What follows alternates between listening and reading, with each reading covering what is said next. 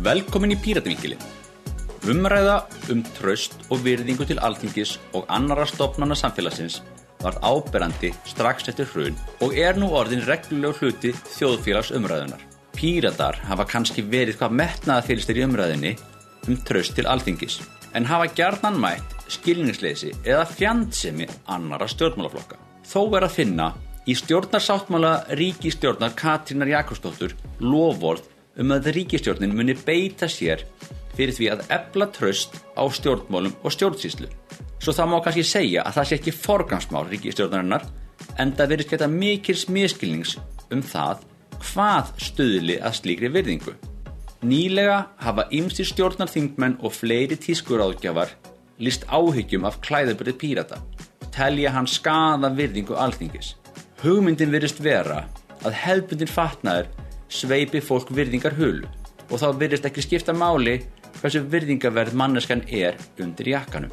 Virðing virkar alls ekki þannig, en skoðum aðeins hvernig virðing byrðist okkur í stjórnsýslunni í fréttum vikunar.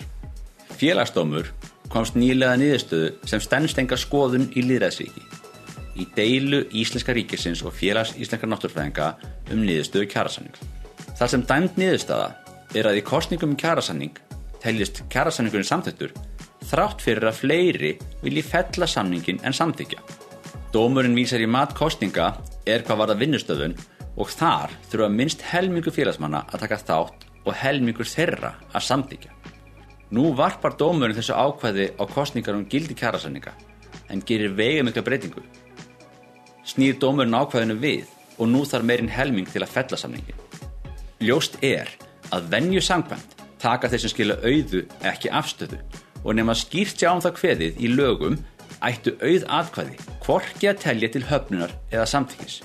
Eða ef beita ætti ákvæðum kostninga um vinnustöðun ættu þau að telja til þess að hafna samningnum. Þessi niðurstaða er með ólíkindum en enn ótrúleira er stjórnvald sem heldur til streytus líku málaræstri sem er þvert á allar vennjur í líðræðsríki og ber lítil merki um virðingu fyrir líðræðinu. Sé einhver að velta fyrir sér skorti á virðingu til alþingis þá er líkleri skýring virðingarleysi stjórnvalda gegn almennt þekktum viðmiðum í kostningum. Hvað var það virðingarleysi fyrir líðræðinu þá stóð til í nýlinum fósittarkostningum að svifta um 300 manns kostningarétti sínum á grundvelli þess að þeim hafi verið gert að sæta sótku. Með Elju Þingmanns Pírata, Jón Stórs Ólafssonar, tókst að afstýra því, enda hefði það sett frálegt fordæmi. Skipuleikjendur kostningana lögðu einni fram kjörsseil sem orkaði tvímælis og reyndist mörgum erfitt að átta sig á hvernig skildi gera grein fyrir atkvæðinu.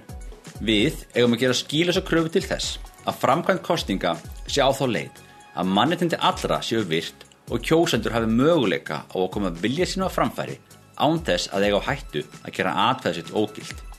En aftur að verðingu alþingis. Þingmönnum Vafgi og sjálfstæðisflokks gafst nýlega tækifæri til að uppfylla bæði eigi stefnumál og atriði stjórnarsáttmála með því að samþykja frumvarp pírata um afglæpa væðingu nýstiskamta. En í staðin fyrir að samþykja málið og hætta að refsa veiku fólki völdu þau að hafna því. Einhverjir þingmenn hafa varið það með smávælum útværslu atriðum sem búið var að leysa með breytingatillögum sem meiri hlutin hafnaði. Frekar en að samþykja frumvarp sem hefði gett að skilað bættum lífsgæðum fyrir stóran hóp, töldu þau tíma sínum betur varið í að koma með sitt eigið frumvarp. Miða við trú meirlutans á fatna sem virðingarauka, þá er ekki svo langsótt að þau trúi því að þessi virðingaverðar að kaupa heiðurinn að góðu máli með mannslífum, en að samþykja gott mál sem bjargar mannslífum en gefur þér ekkert sérstakt kredit. Kanski mun ríkistjóttin flytja sitt frumvarp í dýrar jakkafötum. Það gerir kannski gæðumunin. Meðan unnið er að því frumvarpi er ekki unnið að öðrum stefnumálum á sama tíma. Alþingi þarf að fjalla um frumvarpið og nefndir alþingis sem mun tefja afgreðslu annara mála. Greining á efnum og lögfræðþjónusta eru hvortvekja dýr sérfræðþjónusta. Að eigða háum upphæðum af almanna fjö í að eldast við að refsa veiku fólki er skelvileg nýting af fjármunum og engum til sóma. Það er teknilega einfalt mál að klæða sér jakkaföld en svo aðgerð færir alþingi eða stjórnvöldum ekki virðingu. Þeim sem sína kjósendur sínum ekki heilindi getur reynst erfitt að leysa úr því og líkt og keisarinn forðum er stjórnar meilitin ekki neinum fötum og þurfa ekki að leita langt til að finna orsök virðingaleysis gagvart alþingi.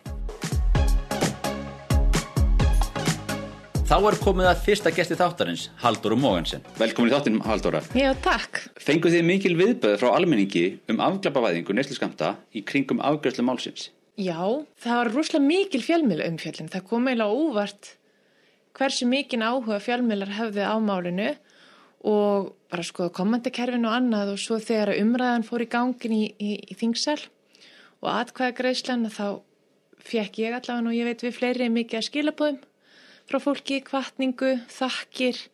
Ég fann bara fyrir miklum stuðning og kærleiki gegnum allt ferlið og hérna sem er ótrúlega gott að finna út af því að það veitir manni svona smá öryggistilfinningu um að maður sé að gera eitthvað sem raunverulega skiptir fólki máli. Þannig að ég fann fyrir þannig stuðning og umræðan var þannig mjög, mjög jákvæð allavega sem ég tók eftir. Hverja verða aflegginga þess að afglæpavæðing neystiskamta komi ekki til framkvæmda núna eða jafnvel ekki á þessu þingi? Það þýðir bara status quo. Það þýðir bara að, að, hérna, að við höldum áfram með þessa refsistefnu sem er búin að vera um, sem er búin að vera til staðar hér í, í meir en 40 ár og hefur sínt sig að virkar ekki. Það er mikið og hefur mikið verið talað um á, á síðustu árum eh, svona einhver hérna skadaminguna leið og mannúðastefna þegar kemur að výmöfnumálum. Það bara, það skortir uh, hugur ekki hjá ríkistjórnin að taka þessi skref og raunverulega fara í þessa breytinga sem til þar til þess að sé einhvers konar mannúðastefna í gangi.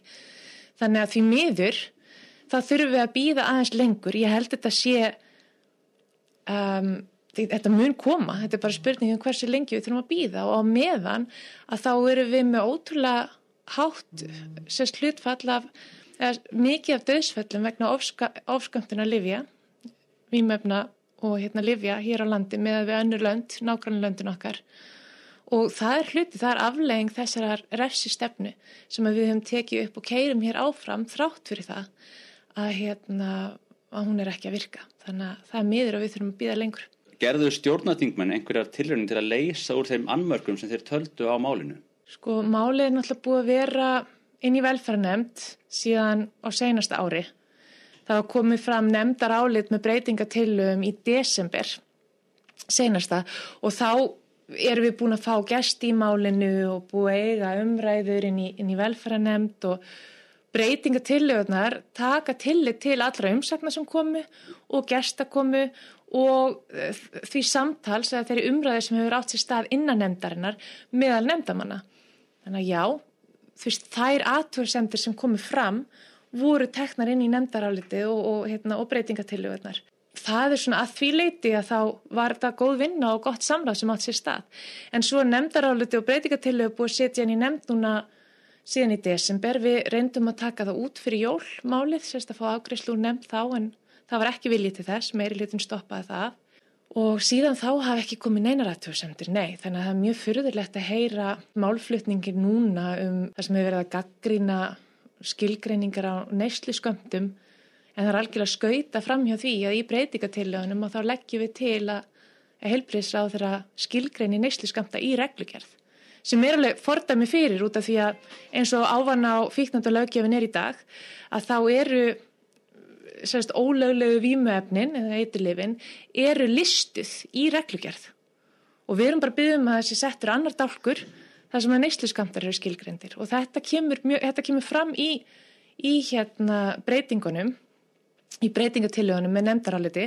en þegar sjálfstæðismenn núna eru gaggrínda eins og Áslega Arna, dómsmálar á þeirra eru gaggrína þetta og Viljálfur Árnarsson hefur gaggrínt þetta, það er algjörlega skauta fram hjá því að við erum búin að taka tillit til þessar aðtöðsend og við erum búin að leggja fram breytingu.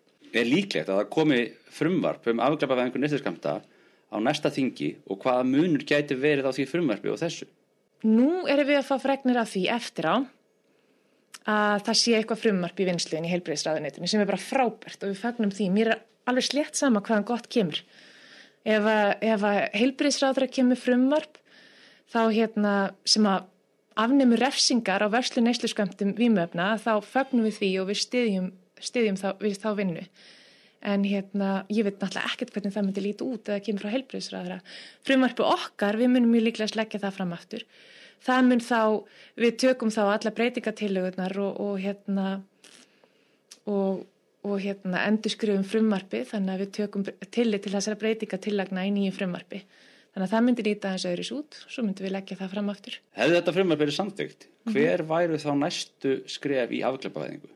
Sko við eina breytingatillögunum sem við lögum fram út af því að það var bent á að, að gildistímin, það átti sérst að frumvarpi átti að taka gildi um leið og, og, og eða lögin átti að taka gildi um leið og frumvarpi var samþygt og okkur var bent á að það þyrti mögulega að skapa þarna svigrum til þess fyrir ráðherra til þess að vinna að reglugerð til þess að skilgreina neysluskamta vímöfna þannig að, að við lögum til þess að, að fresta gildistöku lagana þanga til 1. janúara næsta ári þannig að ef að það hefði verið samþygt núna þá hefði vantarlega næstu skref verið fyrir heilbyrðisráðaniti að fara í þá vinnu og skilgreina þessa neysluskamta til þess að gera gera hérna allt umhverju tilbúið til þess að afnema þessar refsingar strax 1. janúar.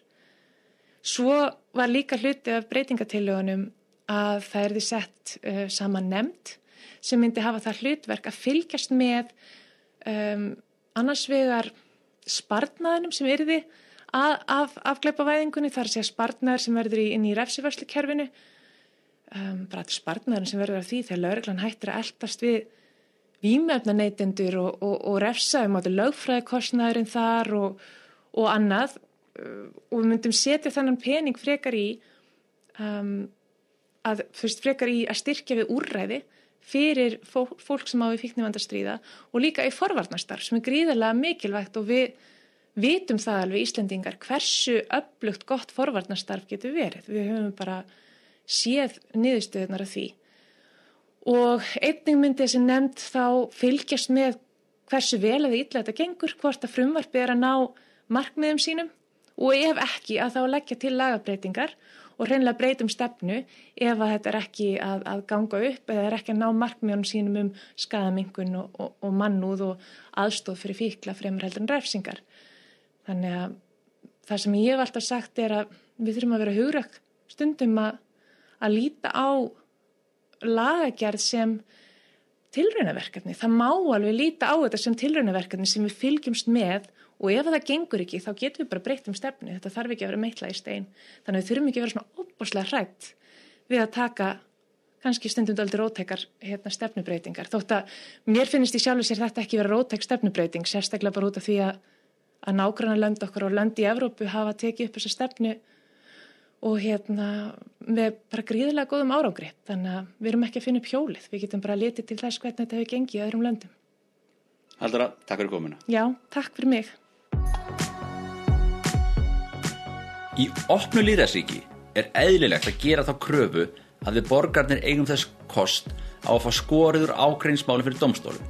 Því miður er lögfræðkostnaður slíkur að í fæstum tilfellum svara það kostnaði að sækja mál og oft betri kostur að sætta sig við tapið.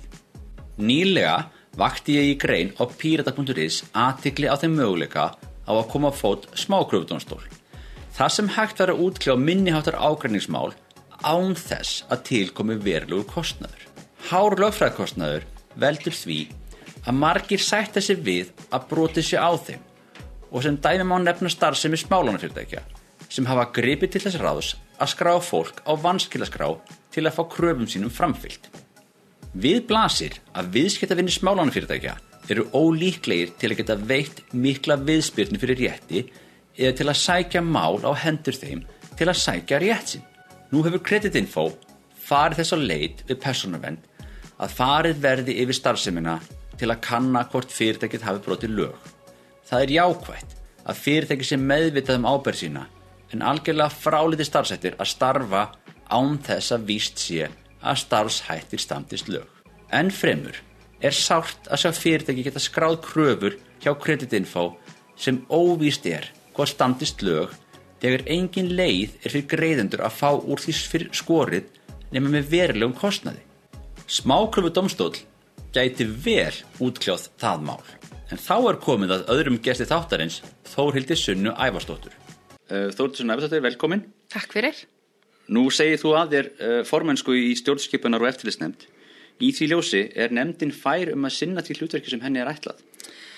Já, ég segja mér til þess að benda á ákveði markleysi sem að svona skapast í störfum nefndarinnar vegna endutekina upplaupa meirhlutans, vegna vinnulagsins sem að þau höfðu tamið sér gagvart eftirlitslutverki nefndarinnar til þess að mitt að varpa ljósi á hvað var verið að gera við eftirlitslutverk nefndarinnar. En með því að þá tel ég mig hafa verið að afhjúpa svona ákveðna taktík sem var í gangi og ganga frá borði þannig að það gerði þeim erfiðara fyrir að halda áfram að skemma.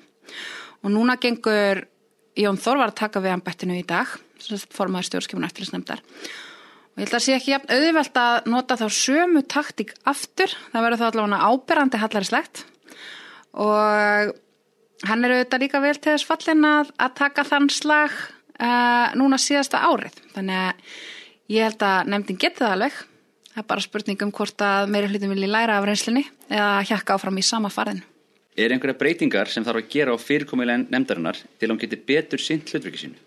Hmm, það var eitthvað skeitna helst bara að skipta út fólkinu en svona í meira hlutunum fólki, út fyrir fólk sem hefði meiri skilning og ástriði fyrir eftirlitslutverki nefndarinnar.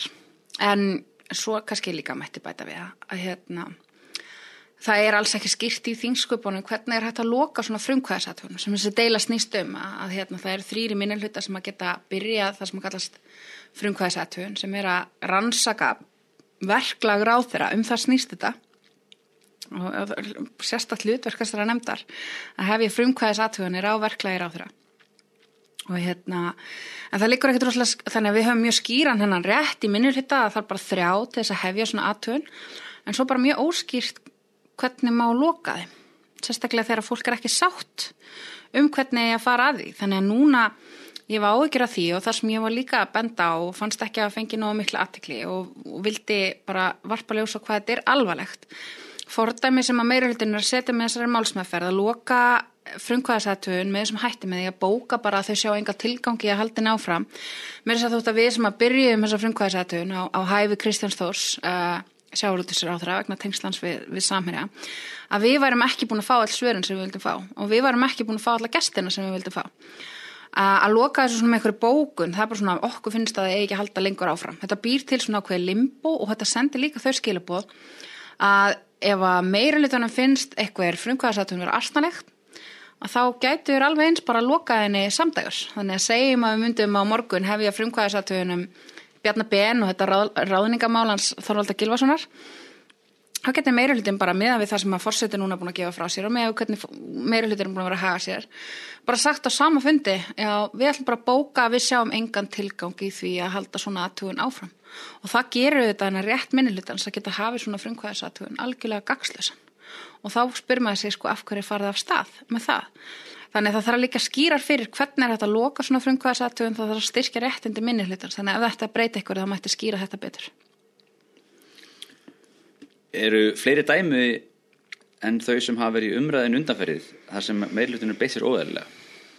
Já, ég minna við höfum auðvitað verið duðlega að benda á að meirlutunum var mjög slappur þegar að koma samræði í uh, viðbröðum við koronavirunni og efnaðsviðbröðum sérstaklega sko.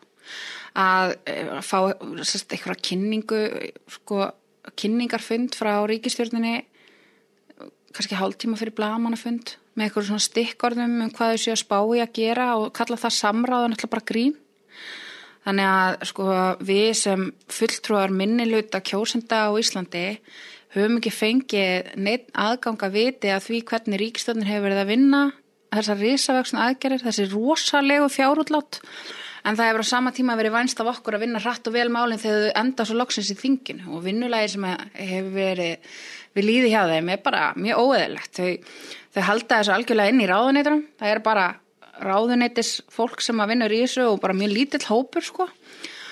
Og svo komaði með eitthvað eitthvað blamanafundið sem þau tilkynna eitthvað svaka stóra hugmyndir en þær eru ekki útferðar, þær eru ekki tilbúnar, þær eru ekki reddi og svo þurfum við að býða kannski nokkra vikur að það er að koma í þingi og vitum ekki hvað þau eru nákvæmlega spá og þurfum svo að vinna rosalega hratt og þetta leiðir af sér bara hérna svona fljótferðnismistök.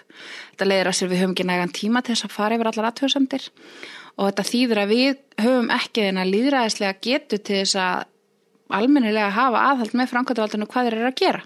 Þetta er bara mjög ólýræðislegt og óeðlilegt á svona tímum að halda minnulutanum ja, rækilega utan við sínar aðgerðir og, og þessi meiri hluti hefur gert og gerir það alveg sérstaklega hlægilegt þetta að þau hafi ákveðið að skýra sinn, sam, sinn saminu sáttmála ja, hérna þau séu að vinna saman í ríkistjórn og um styrkingu alþingis. Þau hafa náttúrulega bara sínt það á sanna að það stóð ekki til. Varandi mál Kristján Stórs Júliussonar, mm. hvernig hefðu þú séð fyrir þér að það mál hefði verið leitt til enda? Já, það hefur komið fram að við höfum óska eftir að fá að minnstakosti þrjá gæsti í viðbót. Við vildum fá til okkar Helga Seljan sem að e, fór fyrir bók til dæmis um samhennumálið og hefði getað veitt okkur nánar upplýsingar um hennan fræga fund sem að Kristján Þór satt með þessum namubíumennum þremur í samhennihúsinu e, og Guðmundur Andri Tórsson, eða það var Guðjón Bránsson sem baði um það, en Guðmundur Andri Tórsson óskaði eftir ég að fá Þorstein Má þess að upplýsa þetta mál til okkar. Og ég vildi líka fá ráþara aftur vegna þess að svörin sem að bárust frá ráðunetinu, við sendum skriflega spurningar til ráðunetisins um ímislegt tengt hæfi Kristján Stórs voru bara alls ekki fullnægandi og mikið að þeim var bara svona hálgjörðu skætingur eins og kom bara mikið verið að vísi að þau varu sko búin að svara þessum spurningum sem að stóðst enga skoðinu þetta. Þannig að ég hef viljað fá ráð þeirra aftur til þess að fylgja eftir þeim spurningum sem við sendum þar sem við fengum eila bara svörin, sko við erum búin að svara ykkur og við ætlum ekki að gera það aftur. Og sem er nú bara freka lítisverandi við stjórnskipunar eftirlisnefnd alþingis að já, herri, ég ætla ekki að eitthvað fjölurða, fjölurða um það sem þú ætti að spyrja mig um hér. Ég er bara, mér finnst ég að vera búin að svara þessu og þar við seitur sko. Og hérna Þannig ég hef viljað fylgja því eftir líka. Og eðlilegu farvegu fyrir svona mál og bara eðlilegu farvegu fyrir mál í þinginu almennt er þannig að þóttu meira á minni hluti kunna vera ósamala um málaliktir, um sko hvernig í ykkur máli liggur, hvernig að fara með eitthvað mál, hvernig það er að þá er í vinnureglum fastanamdana það er mjög skýrt að, að við eigum samt að reyna að komast að samkómalegi um hvenar aðtugun málsins í loki, þannig að þóttu við séum ekki að sammála um niðurstöðuna að þá eigum við öll að vera sammála um að við þurfum ekki frekara upplýsingar að það sé tímabært að ljúka aðtugunni eða umfjölluninni sem við erum með vegna þess að við erum búin að fá alla gesti sem við erum búin að óska eftir, við erum búin að fá allar upplýsingar. Þannig að þetta hefur verið rétt að ljúka þessu mál þannig að við hefum fengið til okkar okkar gesti. Við hefum fengið að spurja nánari spurninga. Andri Singi sem einn af þessum þremur hefði líka óska eftir ég að fá upplýsingar bæði frá sjávarútisraðanetinu og fórsættisraðanetinu um ímislegt sem að kom upp í þessu ferðlega saman. Við hefum átt að fá þær upplýsingar, við hefum átt að fá gestin okkar og síðan hefði átt að ljúka málunu formlega með skýrslu til þingsins þannig að það væri hægt að ræða máli og þannig að það væri hægt að læra því. Akkurat. Uh, að lokum, hvað er núna framöndan hjá þóldisunum? Eh, ég, núna er ég bara undirbúa eldurstarsumræðir sem er á morgun og við erum að loka sprettinum í þinginu og nú að gera það svo sem. Eh, í haust þá tekur eitthvað nýtt við. Ég er náttúrulega farin úr þessari nefnd og komin í atvinnivæða nefnd í byli við sjáum til hvort að það endist út sumarið. Við eigum eftir að tala saman þingflokkurinn og sjá hvernig við stokkum upp nefndunum hvort að við gerum það og, og hvernig þá uh, fyrir síðasta haustið. En það er náttúrulega bara kostningabarta fyrir að hefjast, hún er framöndan ég er spennt fyrir henni. Ég er mikið að undirbúa mig í því og er bara mér að því að veita þessari ríkistönd virt og stert aðhald og ætla að halda því áfram. Þóldsuna, takk fyrir komuna. Takk fyrir mig